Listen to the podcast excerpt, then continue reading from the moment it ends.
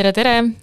on uue raamatu aeg ja väikeste tehniliste viperduste tõttu oli ehk minuti jagu eetrivaikust. proovime selle teile korvata.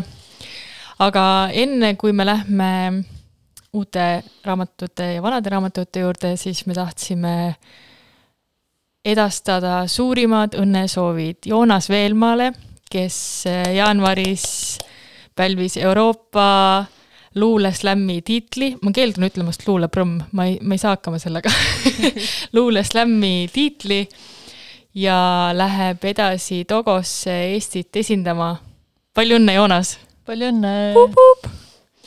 ja me tahaksime veel ühed äh, õnnesoovid äh, eetrisse paisata. nimelt äh, sel laupäeval selgus Tammsaare kirjanduspreemia laureaat, kelleks on Rein Raud oma romaaniga Katku rong.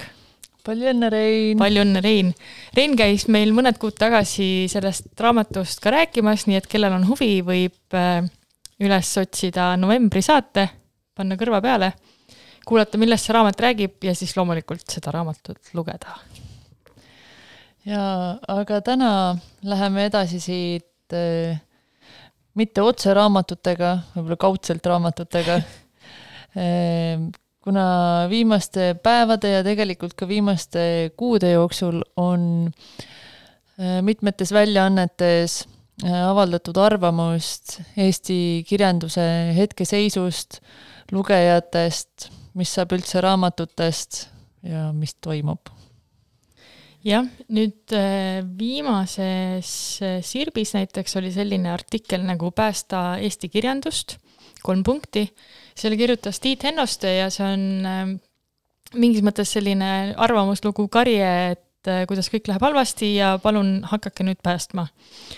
ehk siis Hennoste toob välja mitmeid asju, mis on olulised, aga ta ei paku otseselt lahendust, vaid eeldab, et siis need inimesed, kes nüüd loevad ja kes tegelevad kirjandusega, selle lahenduse ma ei tea, kas pakuksid või hakkaksid sellega tegelema, aga mis mis see nagu täpselt on, seda, seda ei tea. Mulle, ma korraks teen väikse vahemärkuse, et ähm, mulle pakub kohati isegi nalja, et ähm, need artiklid kõik vastavad tõele Eh, ja on valusad lugeda, aga nad justkui kuulutaksid mingit uut asja, mis tegelikult kõik kirjandusvaldkonna inimesed kõik teavad nendest probleemidest ja äh, nii-öelda üritatakse lahendusi leida, aga see ei ole nii lihtne. jah, siin on äh, näiteks äh, üks asi on toodud see, et raamatute hinnad on, on tõusnud ja kohati on nad muutunud täiesti nagu vastuvõetamatult kalliks. Hennoste näide siis on see, et on mingisugune raamat, mis on viiskümmend eurot. no see on, see on tõesti kallis, aga see on, seal on mitmeid komponente muidugi, sul esiteks, kas sul on Eesti autor, kas sul on välisautor, kas sul on tõlkeõigused, kas sul on tõlkija, kes on selle eest raha saanud, siis on seal tõlkeõigust ma juba ütlesin. Mm, -hmm. siis on sul toimetaja, siis sul on trükikulud, mida suurem kirjastus, seda rohkem inimesi on vaja hoida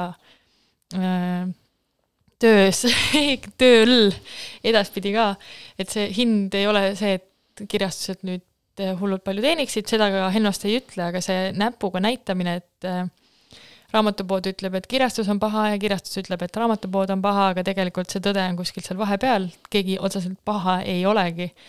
aga lihtsalt hetkeseis on see, et tiraažid on väikesed ja kui me tahame paberil raamatut välja anda, mida ma loodan, et me jätku, jätkuvalt tahame, et siis võib-olla ongi see, et see, see hind kohati võib olla kallis, eh, mitte küll kõigil raamatutel kindlasti. et seal on mingisuguseid, ehm, ma ei tea, kas kompromisse teha, ehm, ma ei tahaks öelda kvaliteedi arvelt kindlasti mitte, aga ma ei tea, ma ei tea, mille arvelt see kompromiss siis nagu lõpuks tuleb ja sest, et äh, raamat ei saa jääda ka äh, nišitooteks või selliseks, mida, mida ei saa endale lubada, see justkui võiks olla kõigile kättesaadav. samas meil on raamatukogud mm, -hmm. et äh, aga jälle raamatukogude puhul on ka see probleem, et nende rahastus ka tihtilugu on väike ja need ei saa kõiki raamatuid endale nii palju sisse tellida, et et populaarsemate teoste puhul peadki ootama järjekorras mitu kuud. Ja kui sa oled veel väiksemast kohast pärit, siis see raamat tõenäoliselt sinu raamatukokku üldse ei jõuagi. Jah, sest näiteks minu koduküla raamatukogu sõltub väga palju Tapa linnaraamatukogust, ehk siis rahade jaotamine on see, et Tapa linnaraamatukogus on päris hea valik. Ja ma saan tellida enda väikesesse raamatukokku läbi Tapa linna, mida ma siis pean ootama eh, mingi aja, aga see, et ma ei saa minna samal päeval näiteks raamatukokku ja seda raamatut võtta, seda tihti ei ole seal. kuigi eh, Jäneda raamatukogu hoidja teeb suurepärast tööd ja ta on äh, väga teadlik kõigest, mis on ja ta võib ta oskab ka kenasti äh, soovitada, aga tal on, ressursid on piiratud mm. -hmm. aga mis, äh, mida ma tegelikult tahtsin kommenteerida sellest Hennost äh, artiklist, et siin on selline koht, ma loen selle ette. kirjandus on jäänud üha tahapoole kultuuri sisehierarhias ja praegu paistab ta konkureerivat edukalt viimase koha pärast arvustusi ilmub ajalehtedes harva ja teoste valik käib minu mõistusele üle jõu. paistab, et suurtes lehtedes ei ole kedagi, kes hoiaks kriitika osas mingit joont. kultuuri üldpildis on hakanud kirjandust saatma pigem ükskõiksus. ja üle laiema uudisekünnise tõuseb ta ainult siis, kui saab näidata kirjanike kisklemisi, olgu raha või ideoloogia nimel. selle juures on sõna kirjanik tähendus selgelt muutunud. kirjanik on nüüd igaüks, kes raamatuid kirjutab ja siis ta veel järgmises lõigus räägib kirjanduspreemiatest, et need müüki kuigivõrd ei mõjuta ja et ähm, et neid antakse üldse välja kevadisel hapukurgi hooajal. selle osas ma olen nõus või selles mõttes, et ma olen äh, seda meelt, et neid peakski hapukurgi hooajal välja andma, sest et kui sa annad äh, detsembris kirjandusauhinda välja, siis mitte keegi ei pane tähele. Sest et kui me räägime jaanuarist, veebruarist, märtsist, kus äh, küll ilmub häid asju, aga pigem hoitakse seda mm, auru maikuu või oktoobri, novembri, detsembri jaoks, et sel hetkel ikkagi rääkida nendest raamatutest, mis eelmisel aastal ilmusid, miks nad on head, kes on need autorid, mida nad kirjutavad.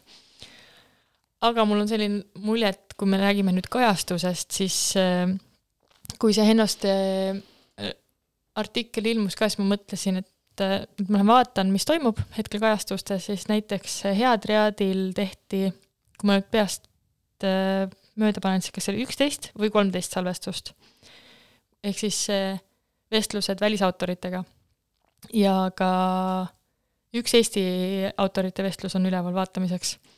aga äh, Headriad festival toimus maikuus, äh, need vestlused läksid üles juunikuus ja kui kultuuriportaali minna, siis soovitab, soovitab ta läbi aasta ainult ühte vestlust, mis on ühe kuulsa kuri, eh, krimikirjaniku Horovitšiga ja ma ei ütle, et seda vestlust ei peaks kuulama, muidugi peaks, aga see, et, et see ainult see üks vestlus on olnud pidevalt seal pildis ja see on ka ainus vestlus, mida ETV näitas tele-eetris.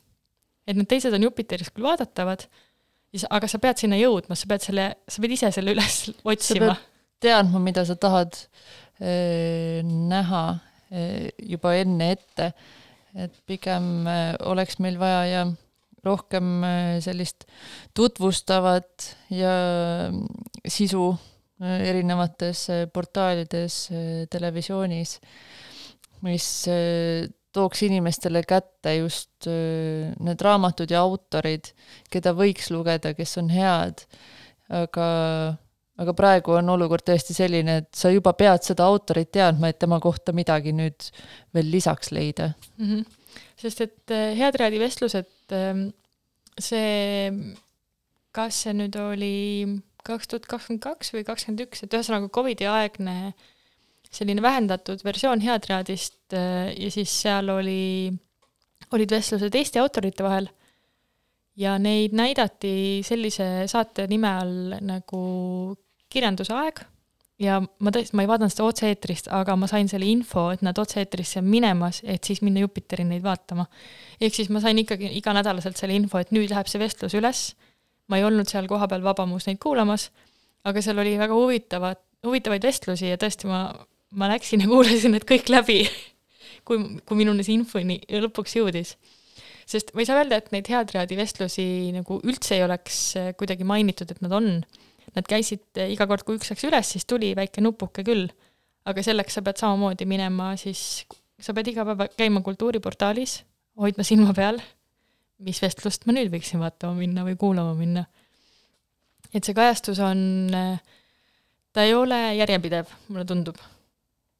et selles suhtes on, ma ei saa ka öelda, et toimetaja peab öö, oma ma ei, ma ei teagi, siis ihu ja hingega kogu aeg selle eest seisma, aga seal on mingisugused käärid on vahel. ja see, mida Hennoste ka välja toob, et et meil ei, ei ole mingit kindlat joont, mida hoitakse, sellega ma olen nõus sest äh, kui meil tulevad uudisteosed välja, siis arvustus, ma saan aru, et sa pead arvustuse mm,, kui sa saadad kirjandustoimetajale näiteks raamatu, kes omakorda otsib arvustaja, siis võibki minna, et sul läheb aega pool aastat, aasta. ja mida näiteks äh, Liina Pahma pakkus välja, et sa, et sa peaksid, ei, sel-, see oli Karola Karlsson äh, kirjutas mulle, et selles osas võiks äh, kirjastus tegelikult juba enne kokku leppida või enne saata et sul, sa ju tead, et sul see raamat tuleb, et sa saad juba enne nagu selle vihje anda sisse.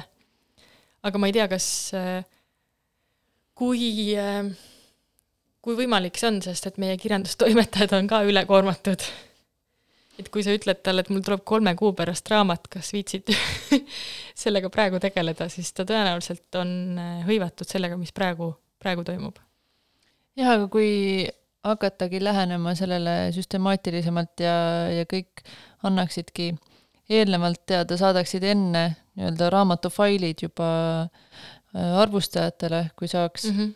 et äh, siis see hakkaks muutuma, mitte nii, et aasta pärast ilmub arvustus. Mm, jah ja. ja., et see on tegelikult väga hea mõte, nii et me saame siis vähemalt ise alustada seda trendi. Karola, ole valmis, me hakkame sulle saatma faile ja Hennoste veel äh, kirjutab siin ka, et äh, see üks lause siin lihtsalt, ma võtan kahest artiklist kokku äh, erinevaid mõtteid, aga siin on kirjastused ei tee suurt midagi oma raamatute põhjalikuks tutvustamiseks. Äh, ja siis tuleb seal äh, erinevaid põhjendusi ja siis ma võtan ja seda on ennegi öeldud Äh, mitmetest kohtadest, et äh, kirjastused ei reklaami oma raamatuid ja nii edasi ja siis võtan ühe mm, Eesti Ekspressis äh, ilmunud arvamusloo, mis ilmus detsembris, mille kirjutas Katrin Pauts, aga siis ta on intervjuud teinud ka siin Tauno Vahteriga ja tema on siis jälle öelnud vastu vastupidist asja.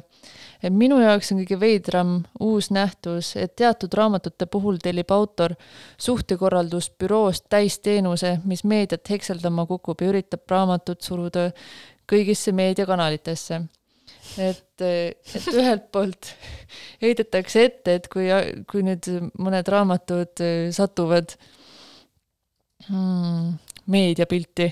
täispaketi osaks. jah et saad mööda päid ja jalgu selle eest ja saad ka siis, kui sa igale poole ei topi seda.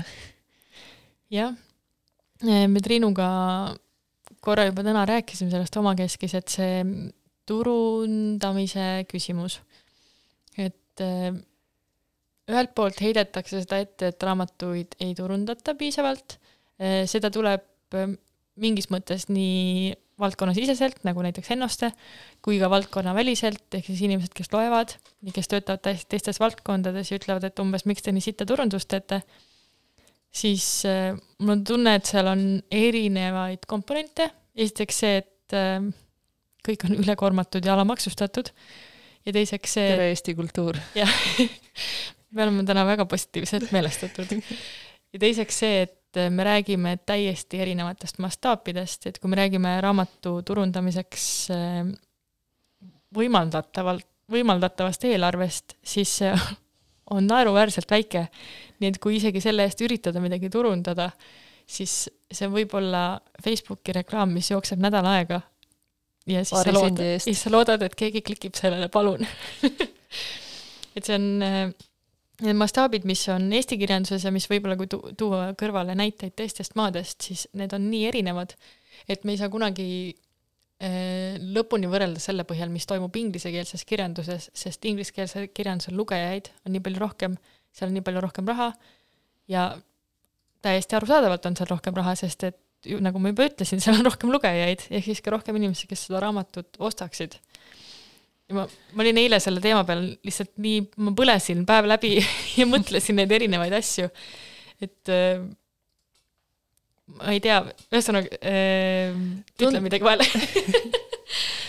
Mulle tundub, tundub äh, praegu ka, et me oleme jõudnud äh, mingisugusesse nõiaringi, kus äh, ühest otsast äh, lugejaid jääb aina vähemaks, mis tähendab, et raamatute pealt tuleb raha aina vähem sisse ja see omakorda tähendab seda, et ei saa nii palju kvaliteetset äh, kirjandust välja anda ja ka reklaami teha mm. -hmm. et äh, ja veel isegi see ei ole nõiaring, mulle praegu tundub, et see on niisugune veidi allakäiguspiraali moodi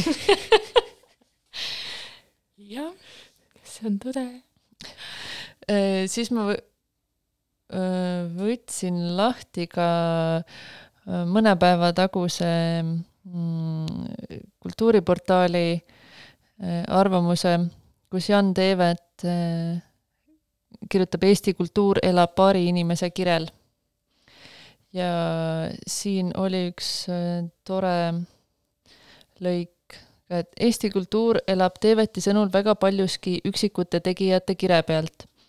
selleks, et midagi saaks jätkusuutlikuks, on vaja ehitada struktuuri ja mulle tundub, et paljude Eesti kultuurinähtuste, sündmuste või organisatsioonide kadumise põhjuseks on tihti see, et ta püsib ühe või paari inimese kirel. ei teki laiemat institutsionaalset tuge ümber ja ühel hetkel puud põlevad ära ja pole seda lõket. Jah, mul ei olegi midagi lisada. selles suhtes on mm, kui me hakkasime Maria Eskoga tegema Eesti novelli esitlusi ja nüüd Paavli Litti, siis äh, Maria ütles mulle, et me ei saa võtta uut projekti, mis on äh, meie enda läbipõletamise aluseks. ehk siis me peame tegema asju, mis kas toovad meile midagi tagasi, pakuvad meile midagi emotsionaalselt ja ta tõi välja ka sellise asja, et me, muidugi me ei ole asendamatud, aga ta ütles, et me ei, et kui meie sinuga nüüd lõpetame, siis kes on need järgmised inimesed, kes teevad seda, näiteks seda novellide esitlust edasi. et kes on need noored, kellel on veel jaksu. ehk siis sul on vaja nagu seda järgmist särasilmset inimest, kes ei ole veel küüniliseks muutunud et kui me mõtleme sellele mõne inimese kire peale, siis, siis see on tõsi, sest et äh, ma vaatasin eile vanu pilte ja ma mõtlesin, et me hakkasime sinuga puänti tegema, kui me olime kakskümmend neli ja kakskümmend viis. ja me täna tulime Triinuga ühelt kohtumiselt, kus küsiti, et mis, mis siis juhtus teil ja siis see tõdemus, et kõigil inimestel on aur otsas, on tegelikult päris ehmatav et see, et mitte ainult, et meil ei saanud aur otsa, vaid kui me hakkasime vaatama, et kes siis nagu veel raamatupoode teevad ümberringi või mingeid asju, siis kõigil on aur otsas. et see, et ma ei julge öelda ühte inimest, sest et kui sa tema poole pöördud, siis ta, ta tegelikult tahaks öelda jah, sest et see on mingi uus lahe asi, aga tal ei ole tegelikult jaksu mm. -hmm. ma ei tea, kuhu kuhu me selle heietamisega jõuame ja kus on äh, lahendused aga, aga jah, meil see kultuuriväli üldiselt, et asi ei ole ainult äh, raamatutes, kirjanduses mm. -hmm. et see on äh, selline väga laiapõhjaline probleem. jah, sest et Jan ju rääkis samamoodi äh, teatri tegemisest ja kultuuritööst ka väljaspool Tallinnat. tema tuleb Paide teatri kogemusega ja see vestlus oli minu arust, oli seal Hanna-Liisa Uusmaa, kes rääkis siis äh, Saaremaa kogemusest ja mm, et seda mitte jätta sellisesse, et kõik on perses vestlusesse, siis äh, ma tahaksin tuua selle üleskutse, mis ma mõned päevad tagasi selle kõige pealt äh, tõin. see oli mu enda personaalse sotsiaalmeediakanalis, et minu arust võiks üks võimalikke lahendusi olla see, et me hakkame, me hakkame rääkima ehk siis me hakkame rääkima nendest raamatutest, mida me loeme, me paneme pilte nendest raamatutest, me ei pea isegi midagi arvama nendest raamatutest, aga see, et me vilgutame neid raamatuid, et võib-olla mul sel hetkel ei ole jaksu sellest kirjutada, aga see, et ma panen selle kahekümne neljaks tunniks story'sse jooksma, see ei, see ei võta mitte midagi peaaegu minult, et ma lihtsalt, ma teen selle ühe pildi, see võtab, see eeldab, et mul on lihtsalt aku täis. aga see on ka kõik, et lihtsalt see vilgutamine, et me loeme, meile läheb korda me võib-olla tahame diskussiooni astuda teiste inimestega, kes loevad. kui sa näed, et sinu sõber loeb, siis küsi, kuidas see raamat oli. lihtsalt see, et me võtaksime sõna, isegi kui see on visuaalis. jah, ma arvan, et see on äh, ülihea üleskutse. ja loodame, et meie tehnika siin nüüd toimib ja saame teha ühe muusikapausi. proovime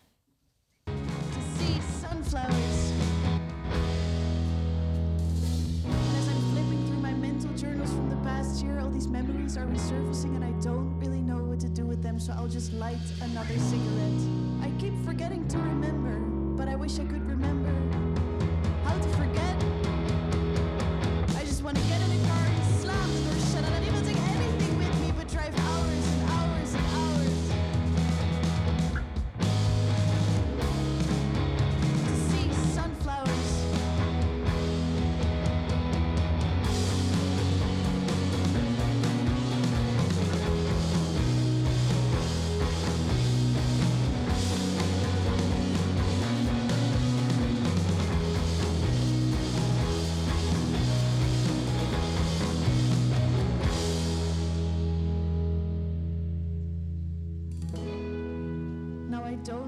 have a car or a driver's license for that matter.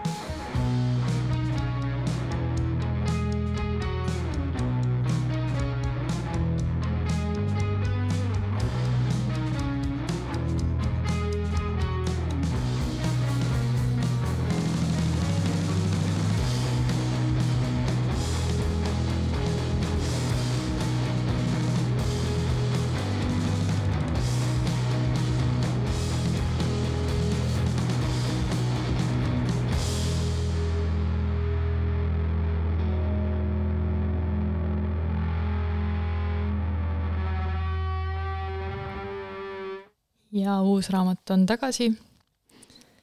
ja Triinu räägib meile ühest vanemast teosest, mida ta hiljuti luges.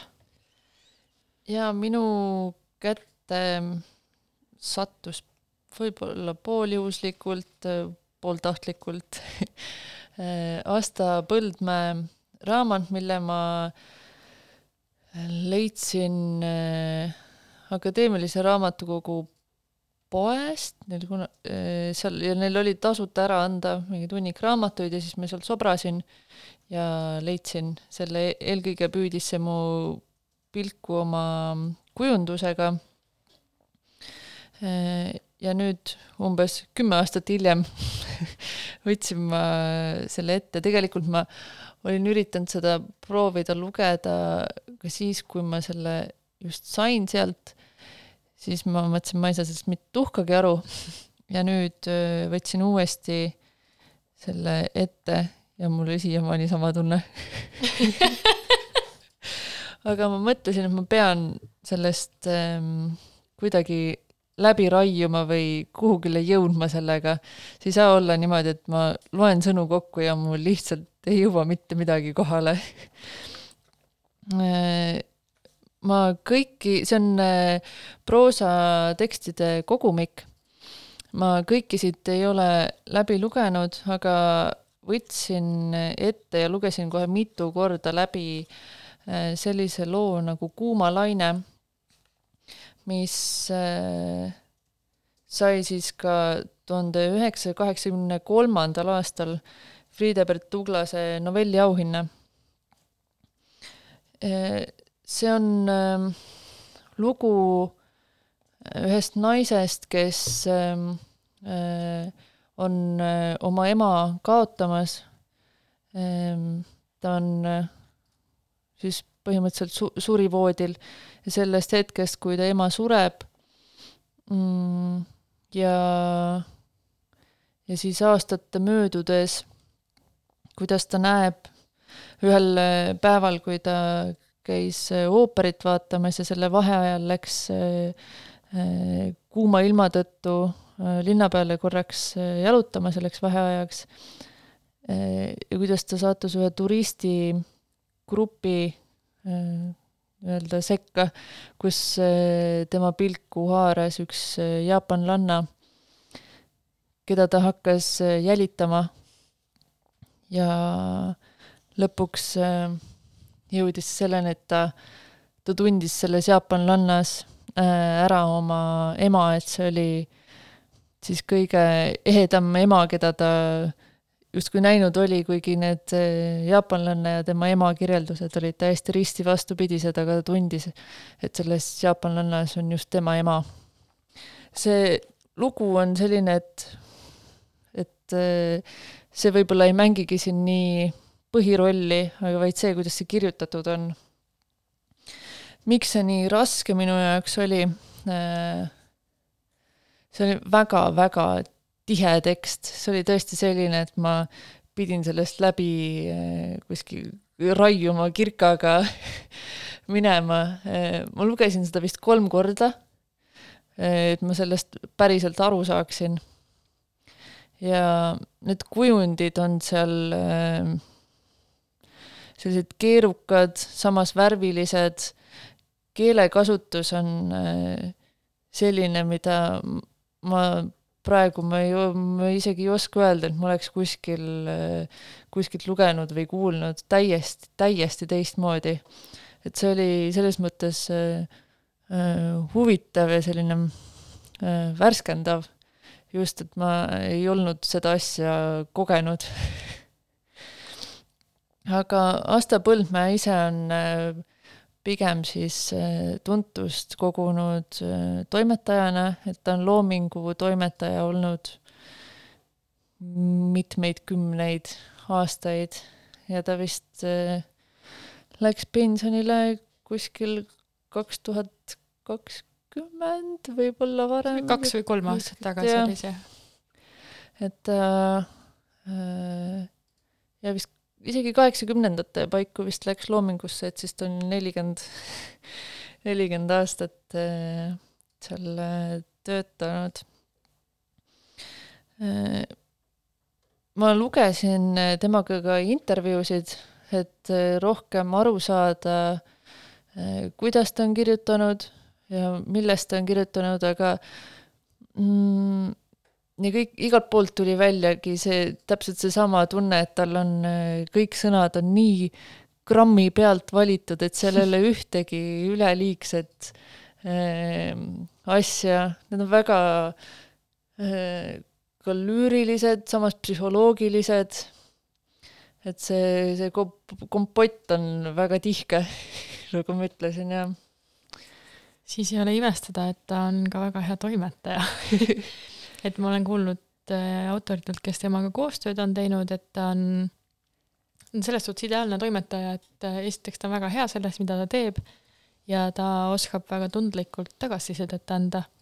et mis on, kui sa tahad, kui sa oled näiteks alustav autor või siis sa mõtled, et kas ma, kas ma saadan siis, siis sul on selline inimene vastas, kes äh, noh, hoiab nagu mingis mõttes su kätt.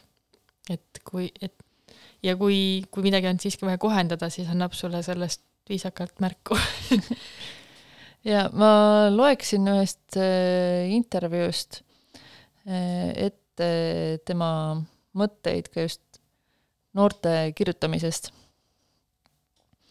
noortele sageli räägitakse koolis ja ülikoolis, meile ka räägiti. Teie olete värske ütlemisega, uus maailm. näete, nagu kunagi pole nähtud. See ei ole tõsi küllap nähaksegi värskelt, ent tuleb arvestada, et sõna üldjuhul on alles täis kasvamata, mitte oma päris jõus, nagu inimene isegi. sõnu on palju ja see on nagu vesihein tihtipeale. andekaid erandeid on muidugi alati. on igav ja kirjutaja ise ei saa aru, miks on igav.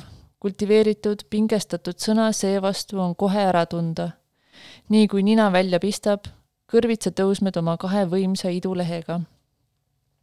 Pole mingit umbrohuga segiajamise ohtu sellepärast ei maksa end lasta petta sellest noorusega antud sõna väejõust, vaid asuda tööle. ja asi pole sugugi üksi selles, et tuleb sõna panna sõna kuulama, mõte selgelt väljendada. vähemalt niisama tähtis on tema kanguse kraad. uurida andekalt kirjutatud tekste ja püüda tunnetada seda suurt erinevust, mis valitseb näiteks Viivi Luige Seitsmenda rahukevade Tammsaare Ma armastasin sakslast ja mõne Lutsu teose vahel. Need lahknevad juba omakeskis nii palju, nagu oleksid pärit eri kliimavöönditest. Kuid sootuks suurem ja tõsisem on nende erinevus nime, nii nimetatud värskest ja nooruslikust sõnast, olgu see öeldud ilma igasuguse irooniata. et äh, need märksõnad, mida ta siin ka välja tõi, et eh, mis peaksid ühes tekstis olemas olema, siis need on tema enda tekstides ka tugevalt eh, kohal. et eh, just see, see kanguse kraad on võib-olla ja et pingestatud sõna, et need jäid mulle nagu kõlama ka siit ka, mis, mis iseloomustaksid ka tema enda tekste. kõlab hästi igatahes et äh, Asta Põldmäe raamatuid tasub äh, otsida. minu arust äh, ma kahtlustan, et neid ongi nüüd raamatukogudest saada. ma tean, et mul on endal ka kodus üks äh, tema raamat, mis on ilmunud Loomingu Raamatukogus ja on mul siiani lugemata. Ma ei tea, kust see mu juurde koju tuli, aga ma arvan, et ma nägin seda nime ja sel hetkel mõtlesin, et vau wow,, ma ei teadnudki, et ta on ise ilukirjandust kirjutanud jaa, ta, see Loomingu Raamatukogu äh, alt välja antud ähm, raamat siis äh, oligi tema äh, debüüt. et kus, kuskilt intervjuust ma lugesin ka, et, et ta just tahtis, et see ilmuks sealt alt, et siis see oleks kuidagi prestiižne või selline mõjusam. ütleme nii, et suur sisenemine Eesti kirjandusse jaa, sest et ta debuteerinud, ma vaatan praegu neid aastaarve, äh, mõtlen, äh, et kui vana ta siis oli, kui ta nelikümmend neli sündis ja Loomingu Raamatukogul tuli seitsekümmend seitse aasta, siis äh, kolmkümmend kolm oli, jah mm. -hmm. See debuteerimine sel hetkel toimus ka hiljem, siis tundub, mitte, mitte kõigil autoritel, sest minu arust Mati Undi debüüdid olid ikka kahekümnendate alguses, nagu vanuseliselt et lihtsalt erinevatel autoritel on erinevalt see sisenemine. aga mhm. kolmkümmend kolm debuteerida Loomingu Raamatukogus pole üldse halb ja äh, minu meelest on veider ka, et äh, justkui tuuakse välja, et äh, kui keegi debuteeris hilja, et siis on ta mingi kolmkümmend, nelikümmend, mm, siis minu jaoks tundub see just küps aeg. Et kui sa oled jõudnud arendada oma keelt ja saad tunnetest ja maailmast rohkem ja paremini aru. jah, mulle selles suhtes meeldib see nooruse ülbus ikkagi ka, et seal on oma võlu, et kuidagi mingid asjad, mida sa hiljem võib-olla kunagi ei avaldaks ja sellisel ja, kujul ei kirjutaks, et see ikkagi, see jääb nagu mingisugune teine tunnetus maha ja võib-olla see ongi mõeldud ka teises vanuses lugejale mm. -hmm et see, mis meil äh, novembrikuus Rein Rauaga tuli ka jutuks, et ta ütles, et ta alguses äh, oli kuidagi enesekesksem ja, ja ei näidanud oma tekste väga paljudele inimestele enne avaldamist, siis nüüd ta laseb äh, perekonnal ja lähedastel inimestel lugeda ja kuulab nende tagasisidet ja ja tunnetab siis läbi, et kas see tagasiside aitaks seda teksti või kuidagi, et ta võtab seda kuulda. Et see, et see nooruse ülbus on justkui nagu üle läinud. Võib-olla on ka tore jätta inimestele avastamiseks sinu enda nagu arenemist ja protsessi, et kui sa tuledki nii tohutu küpsena mm -hmm. välja, siis äh, keegi ei saa teada, et kust see tulnud on või millised katsetused on eelnevalt olnud. Ja see on tõsi, et ei, ei tasu ka neid ähm, siis äh, peita kuhugile.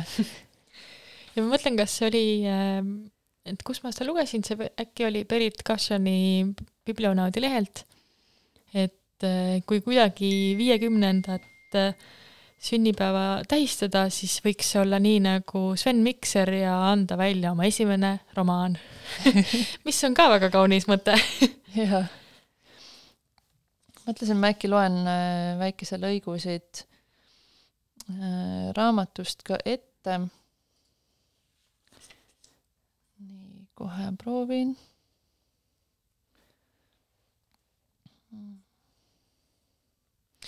ma loen siis tema emast. kuid alles sellest, kui ta tunnistas, et tal on lõppenud pisarad. ma ei ole päris kindel, kas ta üldse ütles lõppenud. ütles ehk niisama, et tal pole neid ja sellest lähevad silmamunad karedaks. nõnda, et kui ta öösel on nutnud, ei saa ta hiljem enam lauge sulgeda ning uinuda tuleb avasilmi. alles sellest sain teada, et ema öiti nutab, et ta üldse nutab muidugi ei tähendanud see, et ma ema pisaraid seni näinud poleks. meelepaha pisaraid, kui me lapsed olime olnud halvad, jõuetuse pisaraid, kui olime olnud liiga targad, usaldamatuse pisaraid. õnnitlemisel, kohtumisel ja tänus jäid mu ema silmad alati rõõmsaiks ja puhtaiks, nagu on ju nende olekute algne seisugi. jõuetus niisiis ei lugenud, meelepaha ja umbuski mitte Nemad kuulusid eluga ühte ning selles olime, olgu küll oma mõistmatuses vahel vastal, vastalistena, siiski, kas kunagi päriselt vastalistena, olnud ikkagi alati temaga. lugesid üksinduse pisarad ja ööpisarad olid seda. selline väikene äh, lõigukene ema pisaratest. Ma mõtlen, kas ma, ma tegelikult ei tahagi väga vist rohkem äh, selle kohta äh, rääkida. ma küll põhiliselt äh, peatusin selle kuumalaine jutu peal mm,. ma lugesin siit mõnda veel, need kõik olid väga, väga erinevate teemadega, et mind kuidagi üllatas ka, et see mm, see ampluaa oli nagu nii lai, aga kirjutamisstiil ikkagi oli, oli selline läbiv, et et ma arvan, et ma tulevikus, kui ma kuskil peaksin tema tekstide otsa sattuma, siis ma kohe tunneks seda ära, et see on, see on Asta Põldmäe.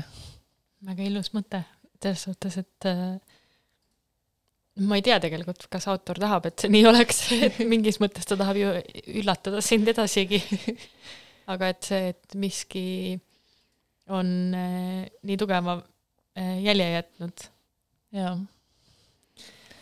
aga ma liigun edasi täiesti teise teema juurde sel juhul.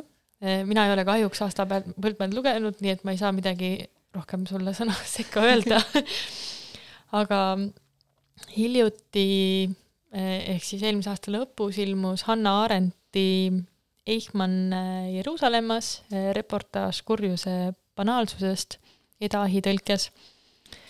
ja mm, see on iseenesest üks väga huvitav raamat. ta on täpselt seda, mida ta ütleb, ehk siis Eichmann Jeruusalemmas tähendab seda, et Adolf Eichmann oli Natsi-Saksamaa üks mm, ma ei tea, mis ta see täpne ametinimetus oli, need muutusid ka, aga ühesõnaga tema oli siis vastutav juudi küsimuse eest, ta oli juudi küsimuse spetsialist. mis on hästi huvitav, sest et sellest raamatust tuleb välja, et Eichmann mingi hetk täitsa austas sioniste ehk siis juudi Äh, äärmuslasi, ütleme nii, et ju-, juudi rahvuslasi kellel oli ka selline suur idee ja ta luges läbi täpselt kaks raamatut ja arvas, et ta on spetsialist ja siis tema on, parim inimene kaasa rääkima. Ähm, ja selles suhtes on, et see sionismi teema ja üldse siis need äärmusliikumised, et see, et Natsi-Saksamaa tegi sionistidega ka pikka aega koostööd, see tegelikult ei, ei, ei ei tasu, see ei olegi midagi uudis või see, see ei peaks tekitama isegi nagu hämmingut, sest et kui vaadata näiteks äh, äh, USA mustanahaliste liikumist ja Google Klux Klani, siis ka nemad tegid koostööd mingis osas, sest et mõlematel oli see vaade, et üks tahtis siis eraldi riiki ja siis KKK oli sihuke, et head aega, head teed teil minna, meile väga meeldiks see, kui te läheksite. ehk siis, et see, need äärmusliikumised alati on äh, täiendanud üksteist, sest neil mingis osas on ühisjoon. ja Eichmann siis äh, tegi koostööd sionistidega, ta mingi hetk tegi ka emissaridega koostööd, ehk siis Iisraeli riik, mida sel hetkel veel ei olnud olemas, ehk siis oli Palestiina, kuhu, kuhu emigreeruti. Et sealt siis äh, selliste liikumise juhtidega. aga mis see, mis see raamat nagu endast üldiselt kujutab, siis äh, Adolf Eichmann äh, põgenes Natsi-Saksamaalt sellist teed mööda, mida kutsuti rotirajaks, mida mööda mitmed vastutavad ja, ja vähem vastutavad tegelased põgenesid põhiliselt Ladina-Ameerikasse ja ta võttis endale uue nime seal, äh, Ricardo Clementi, aga tema uusi nimesid ei võtnud keegi tema perekonnast, nii et lõppkokkuvõttes oli väga lihtne leida, et tema naine on Ladina-Ameerikas abiellunud kellegi Ricardo Clementiga ja kõik nende lapsed on seal ja siis nad on saanud veel ühe lapse ja siis see vanus lihtsalt klapib tema endise mehega. ja siis üks hetk oli see, et ahah, see Ricardo Clementi on Adolf Eichmann aga see mm, vahelevõtmise lugu väärib paari sõna. E,. nagu pealkiri ütleb, siis see protsess e, toimus Jeruusalemmas, aga tema elas e, Argentiinas, siis Iisraeli võimud röövisid Eichmanni Argentiinast ja viisid salaja Jeruusalemma mis muidugi pahandas väga Argentiina võime, sest nii ei tehta. Nii et Argentiina võime sellesse saladusse ei usaldatud, vaid äh, see äh, mär-, äh, märgiti ära, et ta on keegi teine, nii et ta läks Iisraeli siis saadikutega tagasi lennukiga, kuigi ta ei olnud sellega kunagi tulnud. aga see protsess ise on, annab meile üri-, erinevaid aimdusi, mis, mis toimub siis sellise mehe peas sest ta hea meelega rääkis näiteks politsei nii-öelda surnuks, ta rääkis äh, ära neile oma eluloo, kõik erinevad asjad, mis ta tegi, kui kehvasti temal endal ikka elus läks, et ta kasutas politsei ülestunnistusi justkui nagu pihitooli, nii et need politseiametnikud lasid tal siis rääkida, aga neid kassette on äh, üle saja. Aga siis, kui see suur protsess toimus, et teda hukka mõista, otseselt ka, selles suhtes, et teda süüdi mõista ja ka hukka mõista, ehk siis ta tapeti selle protsessi lõpuks. Eh, talle määrati surmanuhtlus või noh, suur, ma ei tea, kas sa ütled surmanuhtlus, kui inimene siis mõistetakse surma? põhimõtteliselt on surmanuhtlus. Jah, vist ja. ikka on jah, ma hakkasin ka nüüd nu-, nu-, nuhtlema ei hakata, vaid sind siis lihtsalt nagu eemaldatakse elavate seast. Mõistetakse surma, ütleme nii. Aga siis äh, see protsess kestis äh, päris pikka aega, nii et algusotsas siis oli seal väga palju ajakirjanikke, kes, kellest päris mitmed juba nagu esimeste nädalate või kuudega ähm, kadusid huvipuuduse tõttu, sest et sellist protsessi kaua kuulata, et see nõuab süvenemist ja aega.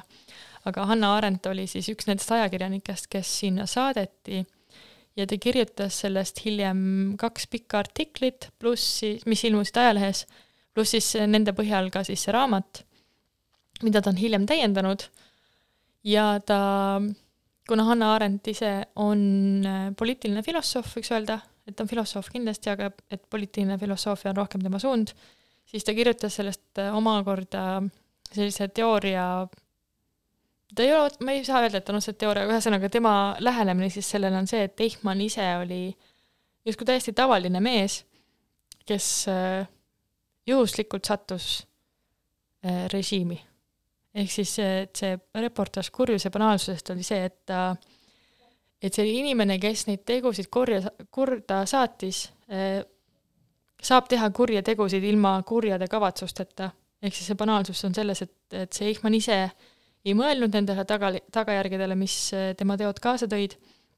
ja hiljem ta ei suuda neid ka meenutada, ta suudab meenutada äh, tegevusi ainult läbi iseenda mingite oluliste momentide, ta ei suutnud vaadata kõrvalt, mida tema otsus tähendab juudi soost inimesele.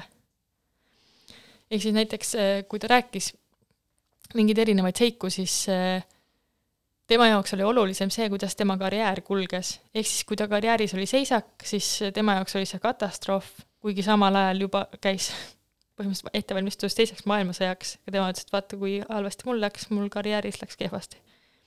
ja siis hiljem teda häiris see, et ta justkui oli osa nendest äh, tähtsatest tegelastest, aga tema juurde jõudsid otsused alati siis, kui need tegelikult olid juba vastu võetud, et tal ei olnud otsest sõnaõigust või ta ei saanud nendega kaasa rääkida, ehk siis ta oli niisugune käsutäitja. aga ta oli nagu nimekas käsutäitja ja sellele raamatule iseenesest etteheiteid ka tehtud, et see kurjus ja banaalsus ja et, et täitsa tavaline mees lihtsalt sattus elama sellisel ajal et nojah, et see võib nii olla, et see on see kognitiivse adekvaatsuse küsimus, et kui sul on, kogu riik on sõjas, siis neid inimesi, kes seisavad vastu režiimile, on vähem kui neid, kes lähevad kaasa, sest et esiteks see tundub sulle nagu massiliselt, see tundub okei okay. Sa ei saa öelda, sa ei saa sel hetkel võib-olla nii hästi analüüsida seda, mis toimub, sa saad tagantjärgi öelda, et kurat, see oli ikka täiesti perses. aga see, see hetk, et see vastuseis on pigem vähemuses nagu ta on alati olnud. et aga Arendile siis heideti ette, et äh, et ta, et see Eichmann ei olnud nii mõttetühi midagi, et, et ta võib hiljem kohtus muidugi öelda, et ta umbes äh, ei saanud aru või ei mõelnud või, või mõtles ainult iseendale. küllap ta mõtleski ainult iseendale, aga, aga et see äh, ühelt poolt oli see Eichmann selline käsutäitja ja bürokraat, aga tema, ta talt on säilinud ka sõnavõtte, kus ta räägib äh, just rassi puhtusest ja kuidagi siis sellest puhastusest selle kaudu, et ehk siis ta ikkagi oli nagu kirglik partei äh, ideoloogia elluviija samal ajal. ja samas on ka see ju, et äh, sa oled äh, nii-öelda, kui sa selles süsteemis sees oled, siis sa oled äh, aju pestud, et sa, sinu tõde ongi tol hetkel teistsugune kuna sind on lihtsalt nii ära räägitud sellesse, et eh, ma, ma samas väga nagu saan aru nendest inimestest, kes on, eh, on nii-öelda need kurjad olnud. Eh, see on inimlik tegelikult, et sa jääd sinna lõksu ja see, kui sa astuksid tol hetkel vastu, siis see on sinu enda isikule kõvasti ohtlikum, kui minna kogu selle kupatusega kaasa. et sa mõtledki iseendale, sest et teistpidi sind võib-olla notitakse kõvasti varem maha. jah, siin mm, kohe raamatu alguses, esiteks on siin väga hea eessõna David Vseviavilt, kes räägib siis nii Arendi eh,, mida Arendile ette heidetakse, mis on see Äh, kontekst, pluss siis ka Eichmannist, aga siis kohe raamatu alguses, kus juba hakkab Hanna Arendti reportaaž, siis äh, seal on samamoodi peatutud sellel, et äh, et kui palju endisi natse on riigiasutustes, sest et muidu meil ei olekski sinna kedagi panna. ehk siis tegelikult, et kui sa hakkad võtma nii, et sa võtad välja ainult siis need inimesed, kes ei ole varasemalt näiteks teeninud sel ajal, kui Hitler valitses siis sul ei ole, sul ei ole piisavalt inimesi. ja, ja need inimesed, ma ei tea, ütleme näiteks kohtunikud, nad ei pruugi olla, nad ei ole sellepärast halvemad kohtunikud, nad ei ole oma ametis halvad, aga nad on teinud küsitavaid valikuid elus et see, see osa käis kohe algusest läbi ja mul tekkis ka võõristus sellega, aga äh, siis üsna pea saad aru, et okei okay,, et sa ei saagi öelda, et oh issand jumal, kuidas nad need kohtunikud siis ikka lasid jälle tööle sul ei ole valikut. aga mis ähm, minu jaoks mingeid uusi asju, ähm, ma arvan, et need inimesed, kes on äh, Natsi-Saksamaad rohkem uurinud, nende jaoks ei ole see midagi uut, aga lihtsalt nagu huvitavat teadmist äh, sellest raamatust. Muuhulgas oli minu arust see koodnimetuste keel, mis, mis käis läbi kõrgemate ametnike seas. et näiteks, kui oli vaja äh, Punase Risti esindajatele näidata äh, küüditamislaagreid, siis äh, sellest rääkides kasutatakse niisugust asja näiteks keelereegel, ehk siis kui sa saad keelereegli, siis see tegelikult on koodnimetus valele. ja siis vastavalt sellele, mis seal kirjas on, saad sina omakorda siis oma sõnumit timmida. et näiteks näidati Punase Risti esindajatele ühte laagrit, mis oli paremas seisus kui mõni teine, ehk siis enamus, ehk siis üks oli selline, et sa said näidata, et siin on nagu natukene ähm, rohkem elus küüditatud kui teistes, kus minu arust eumeniitides on see eriti robustselt ära seletatud, kuidas need inimvared seal ringi kõnnivad ja ro-, roojased ja nälginud, pesemata, siis ehm, siinkohal, et see keelereegel on see, millest sa saad enne, et sa ütled, et me ei saa seda järgmist kohta teile näidata, sest seal on näiteks tüüfusepuhang, et me ei saa teid sinna lasta. ehk siis see on see sõnum, mis sa saad. Aga siis seal oli ka erinevaid äh, sõnu, mida kasutati teiste sõnade asemel, et see hakkas tuhande üheksasaja neljakümne esimesel aastal, et näiteks äh, juutide täieliku hävitamise asemel kasutati sellist sõna nagu lõpplahendus, mis oligi lõpuks siis see nimetus, see oligi see operatsioon lõpplahendus, ehk siis kõikide juutide hävitamine. ja seda, aga seda hävitamise asemel kasutati ka niisuguseid sõnu nagu ümberpaigutamine või erikohtlemine mis noh, kui sa seal süsteemis sees oled, siis sa saad üsna kiiresti aru, mis see on, aga kui sa loed kuskilt mingit sõnumit, mille kontekstis sul ei ole, siis see erikohtlemine tähendab midagi, võib tähendada midagi hoopis muud. Või siis küüditamise kohta kasutati sõnu ümberasustamine ja tööots idas. et äh, tegelikult ei ole mitte midagi muutunud, meil on täpselt äh,, täpselt samamoodi käib kõik edasi praegugi et samamoodi ju mm, kasutatakse mm, väljendeid pehmendamiseks mm. -hmm. E, sest otse on justkui liiga robustne. ja pluss sa saad natuke seal ümber laveerida, et see ei olnud päris mm -hmm. see, mida sa mõtlesid mm. -hmm. Mm -hmm. ja siis enne, kui see lõpplahenduse ehk siis kõikide juutide hävitamise e, otsus vastu võeti, pandi Eichmann näiteks sellise asjaga tööle, et äh, talle anti projekt äh,, millega äh,, selle nimi oli Madagaskari projekt äh, tuhat üheksasada nelikümmend, äh, kui tegelikult oli teada juba, et see kukub läbi, et neli miljonit juuti viia Madagaskarile, ehk siis nad äh, sund, sundkorras emigreeruda, et viia nad ära saarele, kus on juba neli koma kolm miljonit inimest ja nagu seal oli kirjas, viissada kaheksakümmend seitse ruutkilomeetrit kidurat maad. ehk siis, kui sa viid ühele saarele juurde neli miljonit inimest ja ütled, et noh, saage hakkama, siis ma ei tea, kas kas see on ka mingi lahendus või, või noh, see oligi see, see juba kõlab naeruväärselt. ehk siis see tegelikult ja siis äh, umbes aasta hiljem öeldi, et ah, tegelikult see plaan on läbi kukkunud, et võtame nüüd siis järgmise sammu, mis on hävitamine. et see kuidagi see robustsed üleminekud eh, ja samas nagu mingi sihuke lollitamine seal ümber oli minu jaoks eh, vist kõige hullem kogu selles eh, süsteemis. et seda lugeda niimoodi reportaaži korras, et mm, ta on üsna huvitavalt kirja pandud, mõned kohad minu jaoks natukene nagu hakkavad, hakkasid venima, aga mitte nagu, mitte oluliselt. et seal oli mingeid erinevaid huvitavaid aspekte selle isiku kohta ka äh,. Äh, ja mulle väga meeldis see koht, kus Arendt ütles, et mida kauem teda kuulata, seda rohkem tekib tunne, et tegu on lihtsalt mingi klouniga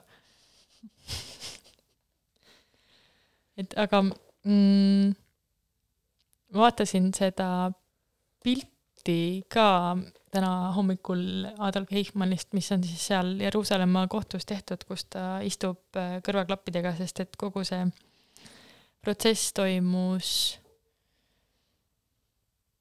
ta vist toimus heebrea keelest tõlkega saksa keelde, inglise keelde, aga seal oli mingisugune huvitav asi, et et Hanna Arendt ütles, et inglise keeles oli talutav ja saksa keeles oli täiesti naeruväärne kogu see tõlge. Ehk siis ma ei tea, mis keeles Eichmann seda kuulas, kuigi ta oleks saanud heebrea keelest ka kenasti aru. aga et see, kuidas Anna Arendt kirjeldab seda hmm,, seda kuidagi tühja olemisega inimest, kes seal istub ja kui vaadata seda pilti, mis temast on säilinud seal, siis äh, minu arust tuleb see esile.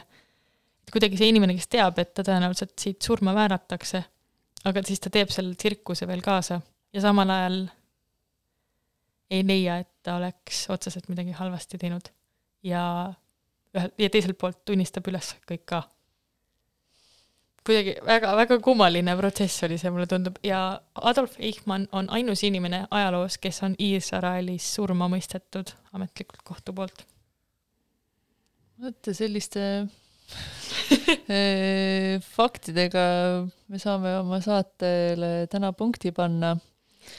Jah, ma tahaksin siia lõppu lasta ühe loo, millel ei ole ka väga palju positiivsem lugu.